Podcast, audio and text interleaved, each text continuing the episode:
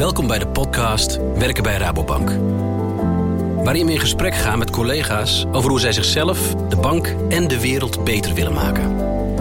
Zo werken we met elkaar aan onze missie: Growing a Better World Together. In deze podcast praten we over diversiteit en inclusie bij Rabobank. Rabobank staat als coöperatieve organisatie midden in de maatschappij. Vanuit die positie krijgen alle talenten een kans en sluiten we niemand uit op basis van geslacht, culturele achtergrond, beperking, leeftijd of andere persoonskenmerken. Iedereen moet zich bij de Rabobank kunnen ontwikkelen en zich thuis voelen. Hoe uitzicht dat in de praktijk? We praten hierover met Roxana van Maurik. Zij heeft een drukke baan als recruiter bij Rabobank, een gezin met drie kinderen en is toevallig ook blind. Welkom Roxana. Uh, vertel, wie ben je en wat doe je bij Rabobank? Hoi, bedankt voor deze leuke intro, eh, Nicolien. Uh, nou, zoals al werd gezegd, ik ben Oksana van Maurik, uh, 37 alweer. Uh, en ik werk sinds vier jaar als recruiter bij Rabobank. En wat doet de recruiter? Ja, die voert gesprekken met mensen om te kijken of ze matchen bij Rabobank. Ik werk voor het wholesale domein. Dat is het internationaal georiënteerde stuk dus uh, veel gaat ook in het Engels, ook sollicitatiegesprekken in het Engels. En dat is hartstikke dynamisch en afwisselend en heel leuk. Ik recruit voor verschillende rollen, zoals bij Rabo Research, climate en sustainability analisten. maar ook bijvoorbeeld bij de Arbo-dienst heb ik Arbo-artsen gerecruit. Om maar even twee hele verschillende vacatures te noemen. Ja, dat loopt wel heel erg uiteen. Ja, Binnen jouw baan, ja, je hebt dus een gewone uh, baan als recruiter bij Rabobank. Daarnaast ben je volledig blind. Um, hoe, gaat, hoe gaat dat in zijn werk? Hoe doe jij je werk? Ik heb uh, speciale software op mijn laptop. Dus ik heb een gewone uh, Rabobank laptop die iedereen heeft. En er is speciale software op gezet. en die leest alles voor. Dus ik heb een stem die bijvoorbeeld brieven en cv's voorleest. maar ook een braille leesregel. Dus ik kan het ook in braille teruglezen. Nou, en zo kan ik eigenlijk alle programma's toegankelijk maken. Dus hè, we werken nu allemaal via Teams, dat gaat prima. En de mail en het systeem wat wij gebruiken om sollicitanten te volgen en zo, dat is ook gelukkig goed toegankelijk. Is jouw werk ook veranderd sinds we nu tijdelijk thuis werken? Jazeker. Eh, we doen nu veel meer via Teams. Alle sollicitatiegesprekken zo'n beetje die ik voer zijn thuis uh, via Teams. Nu we weer naar kantoor mogen strakjes, zal dat weer wat meer op kantoor zijn. Maar eh, ik merk dat ik efficiënter werk, want je, zit, uh, je hebt geen reistijd meer en ook geen reistijd meer in het gebouw van A naar B. Dus je merkt dat je hele dag vol zit gepland met Teams meetings en, uh, en administratie en dus als je niet uitkijkt, zit je van 9 tot 5 achter je laptop. Nou heb ik gelukkig een geleidehond. Dus ik moet wel naar buiten. Dit is een mooi bruggetje, want ik vroeg me al af van hoe, uh, hoe doe jij dat op kantoor? Hoe, hoe kom je daar? Ja, uh, nou, eh, ik heb dus een geleidehond die uh, zorgt ervoor dat als ik buiten ben nergens tegenaan loop. En ik reis met het openbaar vervoer naar kantoor. Ik woon in Houten en Rabobank zit in Utrecht. Dus Houten-Utrecht is super dicht bij elkaar. Ik ga met de trein ben ik met een kwartiertje in Utrecht en dan loop ik vanaf het station uh, naar de Kroeselaan. En uh, ja, zo uh, maken wij de Kroeselaan onveilig, zeg ik altijd voor de grap. Ja, want jouw hond die, die brengt je dus ook naar al die verschillende afdelingen als dat, als dat nodig is. Ja. Hoe, hoe reageren je collega's op, op jouw hond? Oh, nou die vinden het eigenlijk allemaal super leuk. Uh, uh, ik vind het uh, ja, leuk om te zien dat er een, een hond op de afdeling is. En zijn eigenlijk allemaal positief. de enige die wat minder positief was, maar die had er een hele goede reden voor, was een collega van mij. En die was super allergisch. Maar ook, heel erg, maar ook heel erg hondenfan. Dus die zat zelf in een soort spagaat.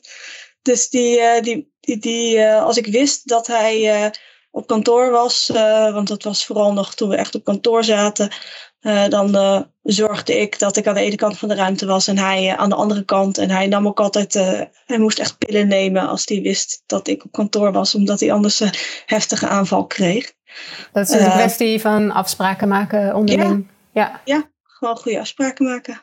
Want dan is het kantoor in principe er ook wel op gericht dat je een geleidehond mee kunt nemen.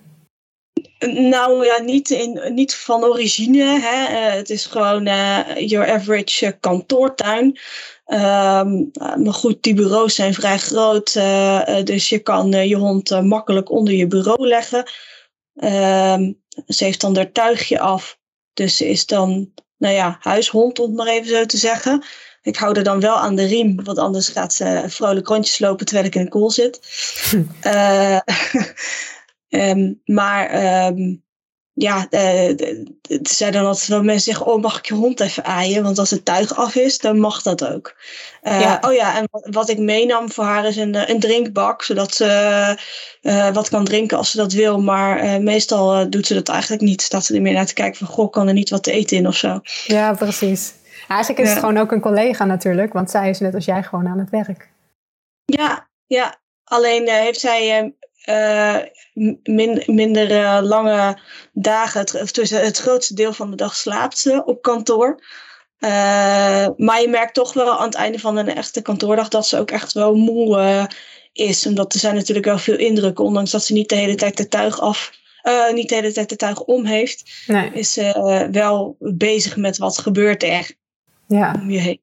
Ja. ja, want hoeveel aandacht is er binnen de Rabobank voor inclusie? Om mensen met een, een beperking te ondersteunen? Het wordt steeds belangrijker, gelukkig. Ik ben vier jaar geleden binnengekomen bij de bank en uh, het, was echt in de, in de pilotfase. Uh, zeg maar. En nu zie je dat er een inclusive support desk is, waar uh, die helpen mensen met een beperking om alle randvoorwaarden te regelen. Dus in mijn geval dat de software op de laptop gezet wordt, maar bijvoorbeeld ook dat ja, uh, iemand autorisaties op zijn pas krijgt dat de deur langer open gaat. Ik noem maar wat, als je in een rolstoel zit of zo. Die heb ik trouwens ook, die autorisaties, zodat ik makkelijk met mijn hond door de poortjes kan, bijvoorbeeld. Ja, precies.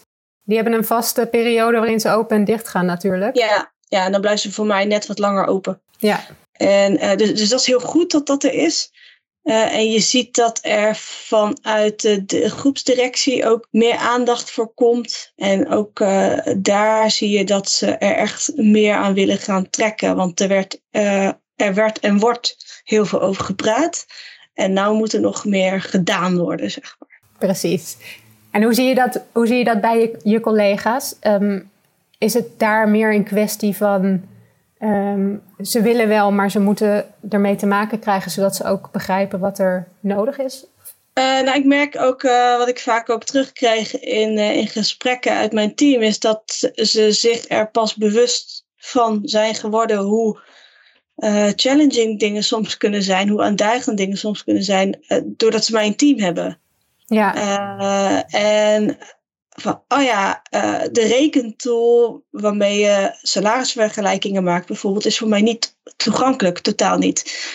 Daar heb ik hulp bij nodig. Dus elke keer moet ik collega's vragen, goh, kan je even meehelpen? En dan, wordt het, ja, dan verdelen we dat een beetje. En dat vindt niemand erg om te doen, maar je moet het wel even vragen. En dat maakt mensen wel bewust ervan. En ja, in het uh, kader van recruiting, mensen met een beperking, ja, dat, dat is uh, ja, maar net als je het tegenkomt, inderdaad.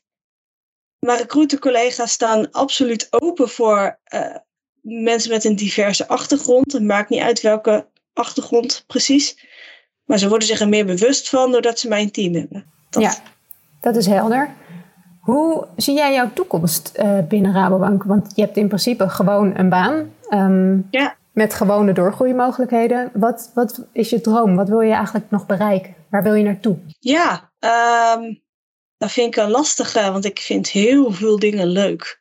Je hebt, ik heb dat mijn hele leven al lastig gevonden hoor. Want, ik ben overal een beetje toevallig ingerold. Uh, maar ik merk toch dat de topic van hè, mensen met een arbeidsbeperking aan een baan helpen, dat is toch iets wat mij toch ook wel bezighoudt. Dus ik ik, ik heb altijd gezegd, uh, ik, ik, doe er niks, uh, ik doe er niks meer mee, want uh, ik, ben, ik ben daaruit. Maar nu merk ik toch, nu ik zelf een beetje op mijn plek zit, ik denk, ja, ik wil daar toch meer mee doen. En uiteindelijk, stip op de horizon, hoop ik ergens nog eens een keer een goede leidinggevende functie te krijgen. Waarbij je dus echt de strategie kan gaan bepalen en echt kan gaan zeggen, jongens, we gaan het zo doen.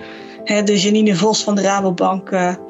Uh, dat is het, het hoofd HR. nou, zoiets. Dat is mijn, mijn verre stip op de horizon. Dat lijkt me heel gaaf. Ja.